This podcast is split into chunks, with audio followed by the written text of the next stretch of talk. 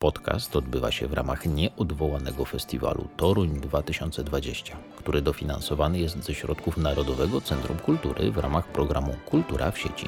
Sponsorem strategicznym Toruńskiej Orkiestry Symfonicznej jest firma Nowa Trading SA. Głównym sponsorem Toruńskiej Orkiestry Symfonicznej, mecenasem kultury jest PGE Energia Ciepła SA. Toruńska Orkiestra Symfoniczna jest finansowana ze środków gminy miasta Toruń. Jedną z moich ulubionych definicji etykiety jest ta mówiąca o tym, że savoir-vivre wymyślono po to, aby uczynić nasze życie prostszym i przyjemniejszym. I dzisiaj chciałabym porozmawiać o tym, że to działa także w sali koncertowej. Magda Miśka-Jackowska, zapraszam, a pytań w tej sprawie i w wielu innych od Państwa było bardzo dużo. Serdecznie za nie Dziękuję. Pytania wystrzeliły już w momencie, kiedy poinformowaliśmy, że w trzecim odcinku podcastu Jak powstaje muzyka, gościem będzie jeden z najbardziej e, cenionych ekspertów savoir-vivre w naszym kraju, autor książek na ten temat, e, także świetny konferencjer, człowiek, e, który pokazuje i szkoli innych w tym aspekcie, jak żyć pięknie i udowadnia sobą, także tym, z jaką klasą opowiada, że to jest w gruncie rzeczy dosyć proste. Podpowiada też całkiem sprytne rozwiązania, jak wcielić to w życie. Wojciech Wocław.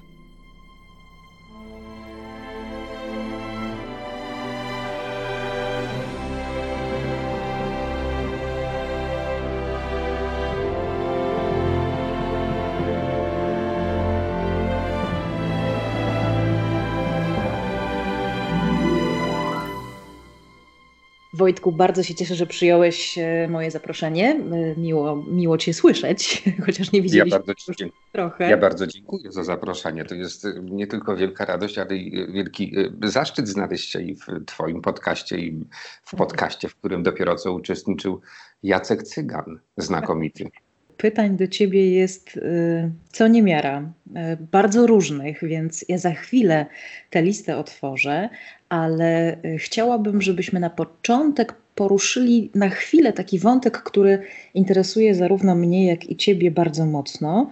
Mianowicie życie zakulisowe mm, to jest, bo to też jest o tym podcast i o tym też są te, y, te, te rozmowy.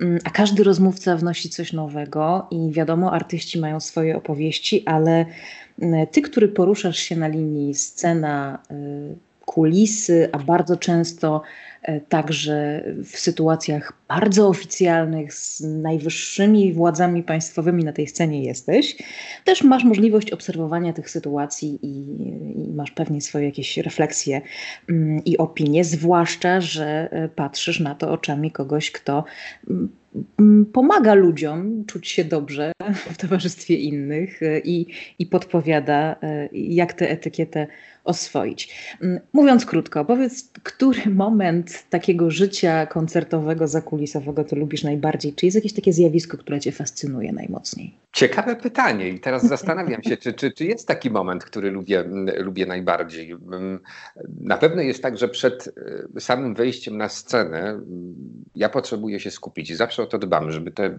kilka minut, 10, 15 minut przed wystąpieniem już być blisko kulisy, skupiać się, stać w ciszy, ograniczać wszelkie rozmowy, nie, nie doprowadzić do rozkojarzenia. I to zawsze, mm. kiedy szkole też i opowiadam ludziom o tym, jak występować, jak występować publicznie, to, to też im radzę, żeby to, żeby to robili.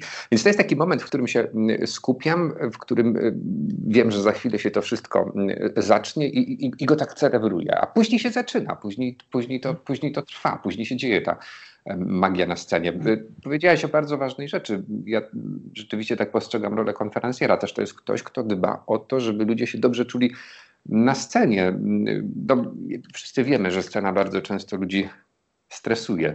Mhm. I, I, ci ludzie, którzy mają doświadczenie na scenie, w moim, moim zdaniem, w mojej opinii, powinni o komfort tych swoich gości dbać. Bardzo nie lubię takiej konferencjerki, która polega na um, ironizowaniu, kpieniu, sarkastycznych uwagach, na takim sileniu się na, na jakiś dowcip, który ma trochę dworować z kogoś innego. Uważam, że nie na tym to polega. Ja bardzo lubię też ten moment, kiedy wszystko się już kończy, kiedy schodzimy. Mm, właśnie w kulisy i, i, jest taki moment, żeby sobie podziękować. I artyści to robią, państwo tego nie widzą, publiczność tego nie widzi, a to trwać może nawet y, i z pół godziny. Mm, prze, przemiły, sympatyczny moment, zgodzisz się ze mną, że też jesteś świadkiem tych, tych momentów i aktywnym uczestnikiem wiele razy. Byłem parę razy bardzo wzruszony tym, jak widziałem artystów, którzy podglądali siebie z zakulis.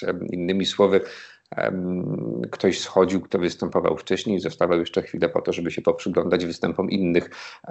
Ja tak sobie myślę, że mm, taką zmorą życia na scenie konferencjerskiego z jednej strony jest to, że człowiek niby uczestniczy w każdym wydarzeniu, ale tak naprawdę w żadnym nie bierze udziału, bo, bo, bo wchodzi na scenę, zapowiada jakiś koncert, potem się, po czym się ukrywa w kulisach i nic nie słyszy, albo słyszy tylko trochę tego, co, co, czego może słuchać publiczność. Ale myślę sobie, że to jest niezwykłe, jeśli artyści wciąż nie są znudzeni tym, tą swoją pracą, tym, co się dzieje na scenie, jeśli wciąż są ciekawi y, tego, tego, co się tam wydarza, mm, swoich mm, kolegów, koleżanek, przyjaciół i podglądają i uczestniczą w tym choćby w ten sposób. Pozostańmy na moment jeszcze przy tym życiu konferencjerskim, dlatego że słucha nas e, sporo osób, które mm, zadawało na ten temat e, pytania. I od pani Aliny było takie pytanie, jaką drogę, jaki kurs byś polecił komuś, kto też chciałby zostać zawodowym konferencjerem? Kurs, który y, niedługo przygotuję z Magdą Miśką Jackowską, łącznie z e-bookiem. Więc proszę Państwa, no, ja myślę, ja wiem, pół roku do roku i po, powinno być wszystko gotowe w internecie osiągalne. To, to, to, to będzie kurs idealny. To zrobiłeś nam teraz reklamę rzeczywiście. Rzeczywiście jest taka potrzeba. Ja nie wiem, czy da się no, wyszkolić tak, tak. konferencjera, prawda? To, to jest taki zawód, który polega chyba na, na podglądaniu innych. Tak zresztą ktoś o tym powiedział, że konferencjerka to jest pewien zespół chwytów, i, których trzeba się nauczyć. No, uczymy się naśladując siebie nawzajem, potem oczywiście po, pojawia się w tym coś autorskiego, ale od czegoś trzeba zacząć. Wojtku, szkolisz y, i, i, i, i prywatne osoby, ale też znakomitych, y, ważnych biznesmenów y, w tej dziedzinie życia, która jest bardzo trudna, pełna różnych niuansów, przefascynująca i bardzo wdzięczna. I myślę, że warto właśnie ją tak oswajać, żeby się tego nie bać. Mam, mam na myśli savoir vivre, etykietę.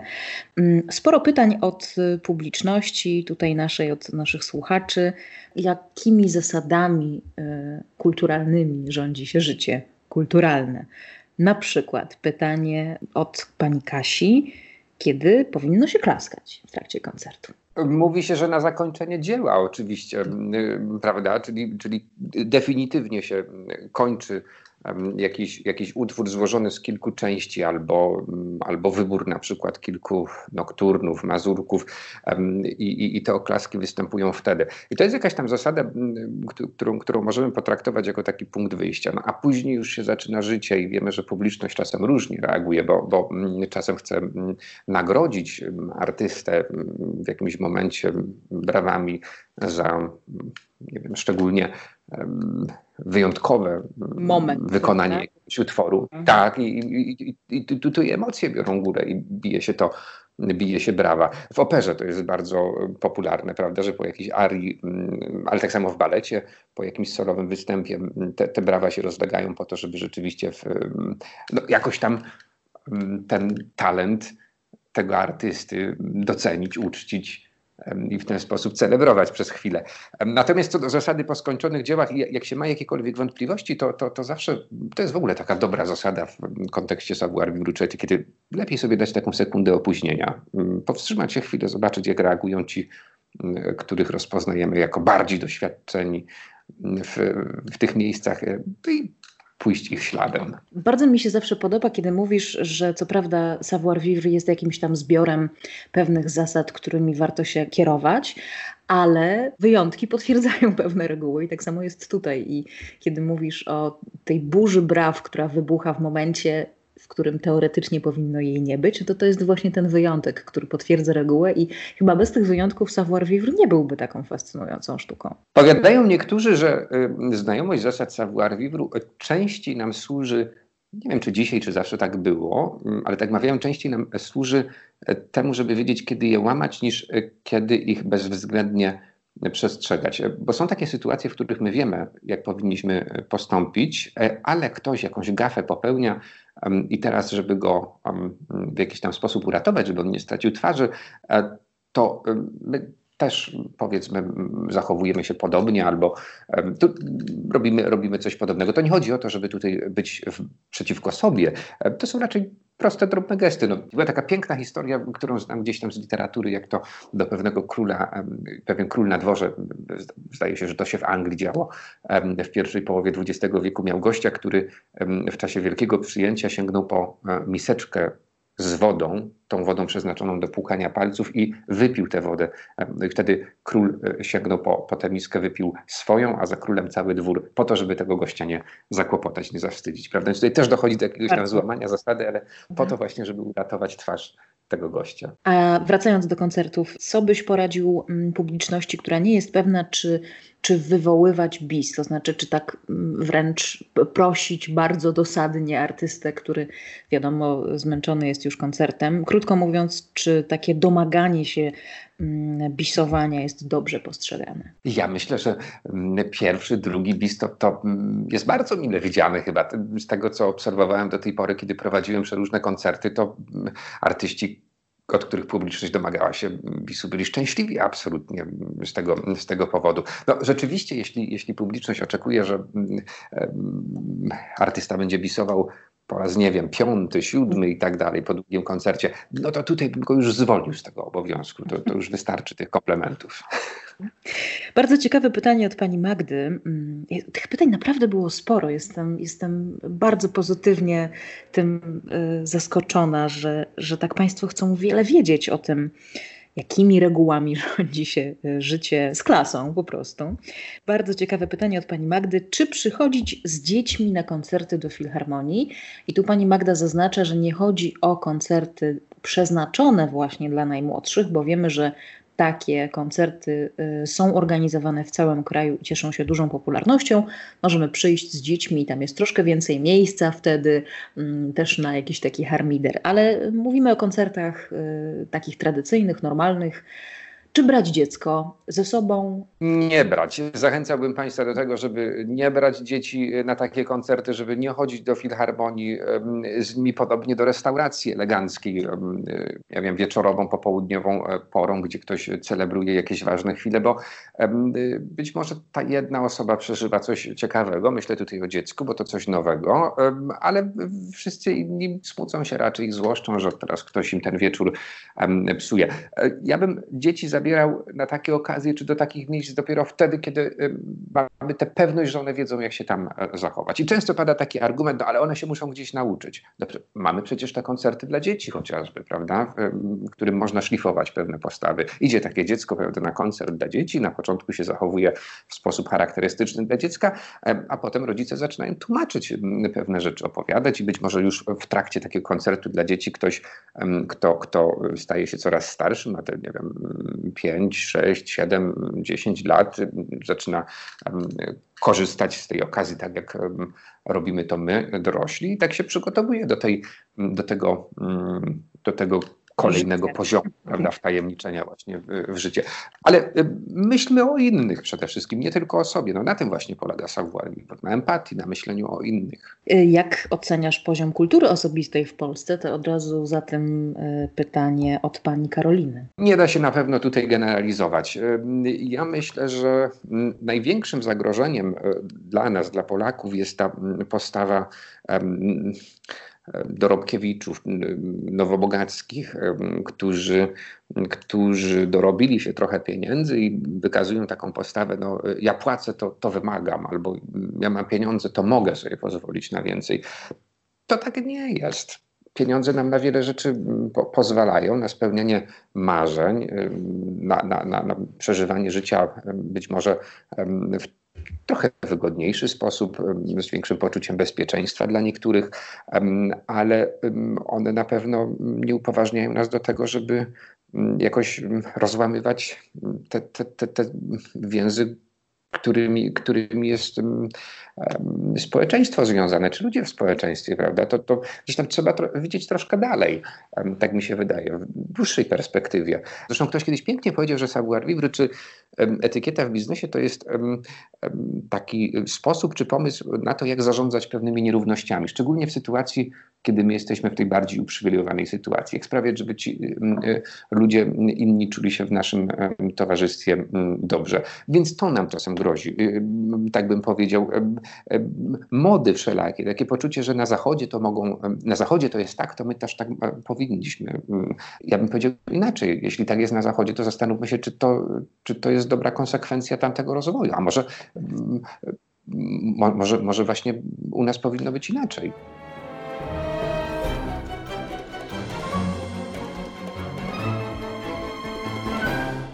Jest pytanie e, bardzo konkretne, jak koronawirus wpłynął na Twoją pracę, to pozwól, że zanim oddam Tobie głos, to powiem, że wpłynął tak, że mm, Wojtek e, co środę od wielu tygodni regularnie spotyka się mm, e, online z publicznością spragnioną właśnie rozmów, komentarzy i, no i podpowiedzi na temat etykiety, na temat um, życia z klasą. I w środy o 20 20.30 y, zawsze można Cię na Twoim kanale YouTube spotkać w tych sprawach, prawda? Ale to pewnie nie jedyna y, rzecz, która się wydarzyła w związku z tym, że nas tak trochę zamk zamknął świat w domach. Rzeczywiście, koronawirus sprawił, że nie miałem już więcej wymówek, że nie wiem, coś jeszcze mi stoi na przeszkodzie, żeby właśnie tych transmisji na żywo nie urządzać. To troszkę to, to mówię pół żartem, pół serio, ale rzeczywiście to, to, to y, był taki moment i taka sytuacja, w której sobie pomyślałem, no skoro już w tym domu siedzę i skoro tyle osób, wszyscy w zasadzie byliśmy w tych domach pozamykani, to może dobrym pomysłem będzie wykorzystać ten czas na to, żeby takie transmisje na kanale e, YouTube zacząć robić. Ja od kilku lat prowadzę ten kanał. Wcześniej to polegało na tym, że tylko dodawałem filmy z jakimiś poradami czy opowieściami. E, teraz e, to są spotkania na żywo, też rozmowy z tak, przeróżnymi właśnie. gośćmi.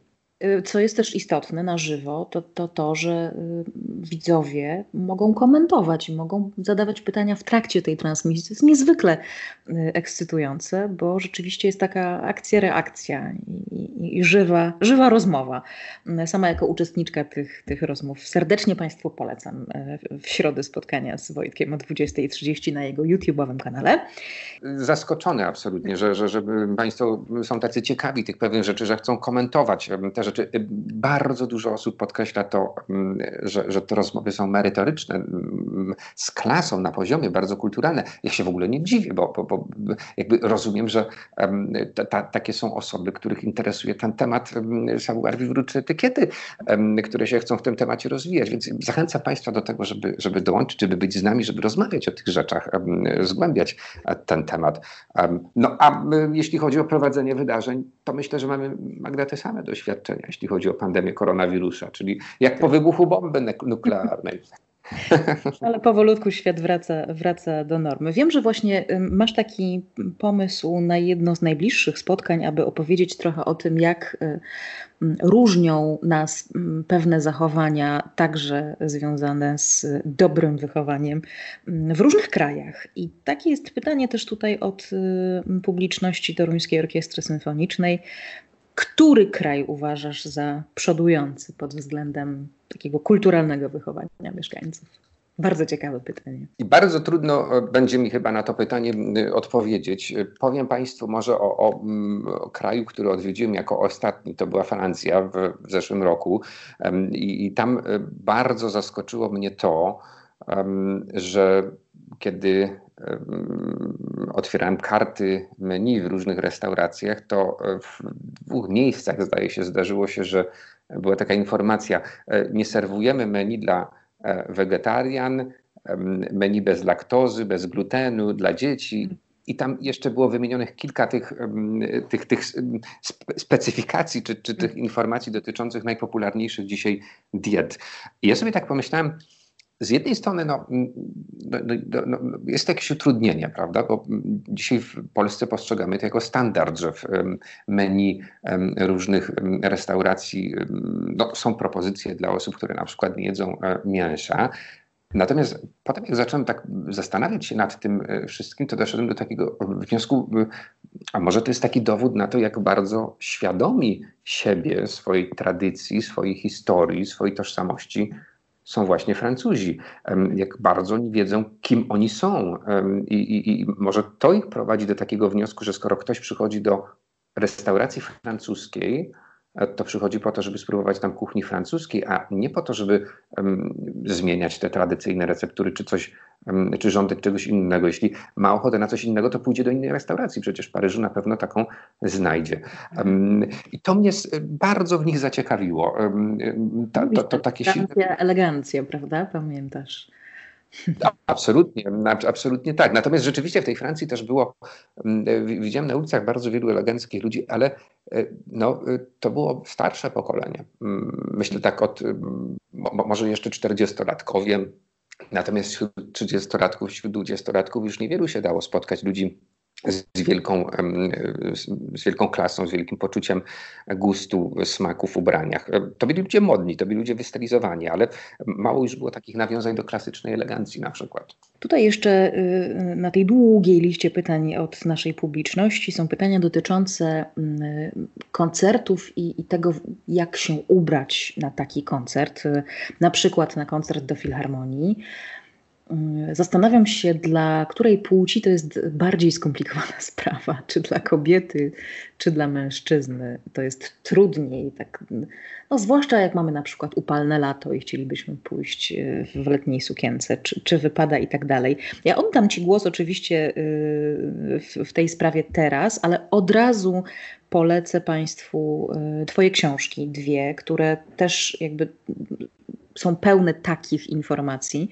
Mm, savoir vivre, czyli jak ułatwić sobie życie i e, etykieta w biznesie, czyli jak ułatwić sobie życie w pracy. Na wiele pytań tego typu tam odpowiadasz. Jeśli mm, pozwolisz, mm, zanim odpowiem na to pytanie, wrócę jeszcze na chwilę do poprzedniego pytania, mhm. w którym rozmawialiśmy o krajach. Mhm. Tak sobie pomyślałem, że te kraje, w których istnieją monarchie, w których mhm. wciąż mamy do czynienia z arystokracją, czyli z tą grupą ludzi, którzy no, jednak są przywiązani do pewnego tradycyjnego sposobu, tra, tradycyjny to może złe słowo, ale rzeczywiście są przywiązani do etykiety, do zasad savoir-vivre, realizują je na co dzień. To się realizuje w strojach, w zachowaniu, w sposobach spędzania czy celebrowania świąt.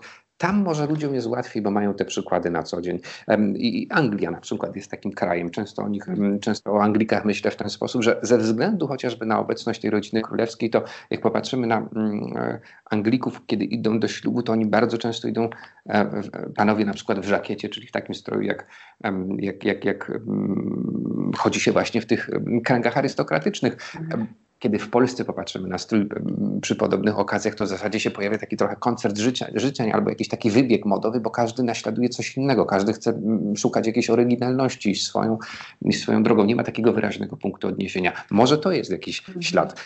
A skoro już o strojach mowa, no to przechodzimy do pytania o, o, to, jak się ubrać do, do filharmonii.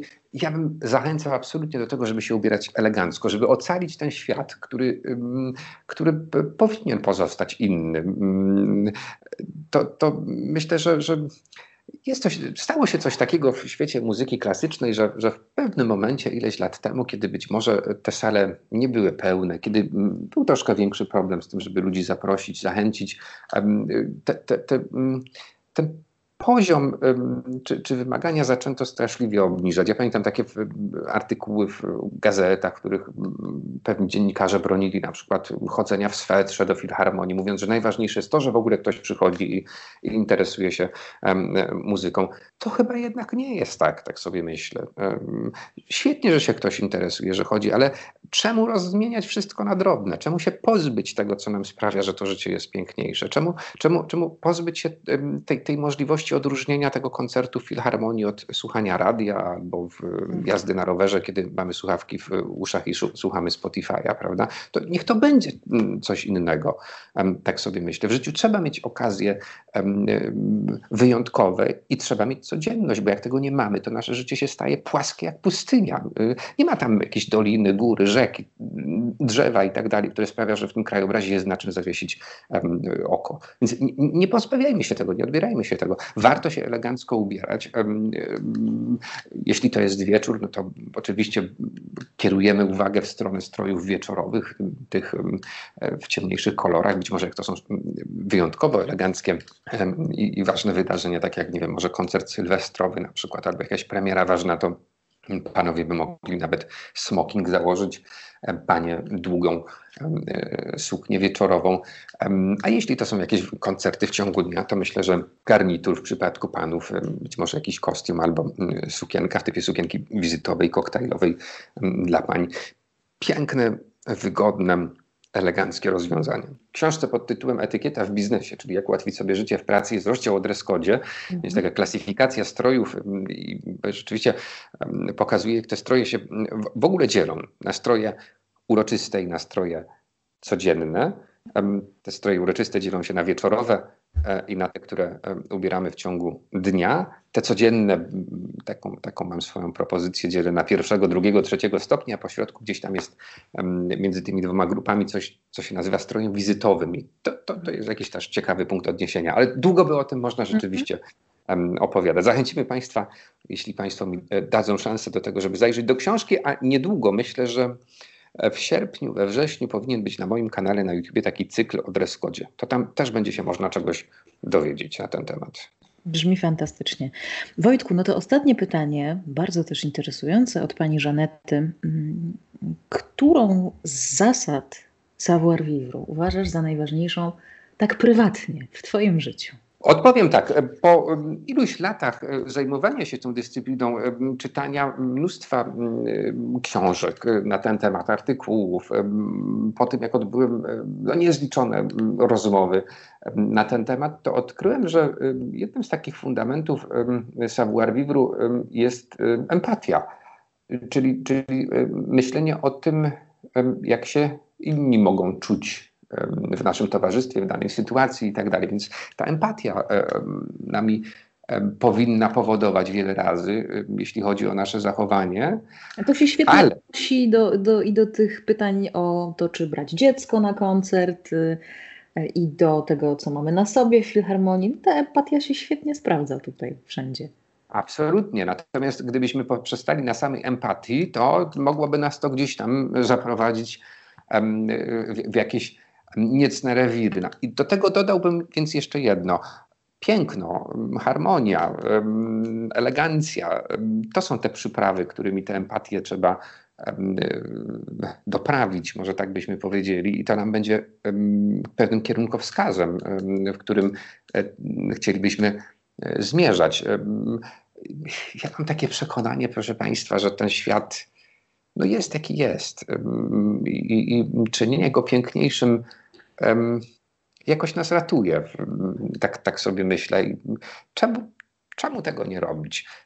Ktoś kiedyś powiedział, różnym autorom się przypisuje te słowa. Ja ostatnio, e, ostatnim, którego poznałem jako twórcę tych słów, był Arthur Schopenhauer, który miał powiedzieć, że savoir vivre jest jak dmuchana poduszka, pusta w środku, ale jednak łagodzi ciosy zadawane przez życie.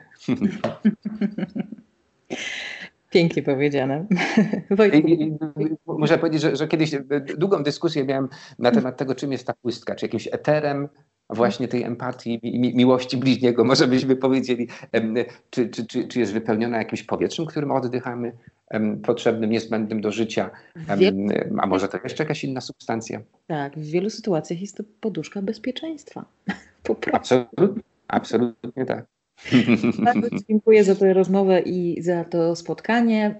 Nieustannie zapraszamy też wszystkich, którzy chcą więcej i, chcą ten temat e, sobie poszerzyć, e, pobadać, a może nawet popytać na kanał Wojtka na YouTube i do książek. Bardzo dziękuję. Bardzo dziękuję za rozmowę, za zaproszenie, a Państwu za zainteresowanie, bo dzięki temu to wciąż mam nieustającą wiarę, że ten temat jest ważny i że się liczy dla nas wszystkich, czy przynajmniej dla jakiejś części z nas.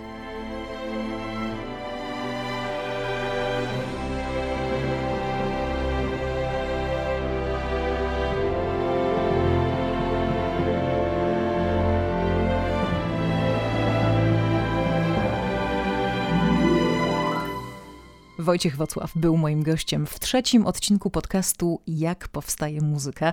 No a ona powstaje przecież także wtedy, kiedy słuchamy jej w sali koncertowej na żywo, z radością. Znajomość pewnych zasad, także po to, aby czasem je łamać, bardzo w tym pomaga. Dziękuję Państwu za obecność. Można do nas pisać e, i można nas słuchać cały czas na YouTubie, na Spotify'u między innymi i na innych platformach streamingowych.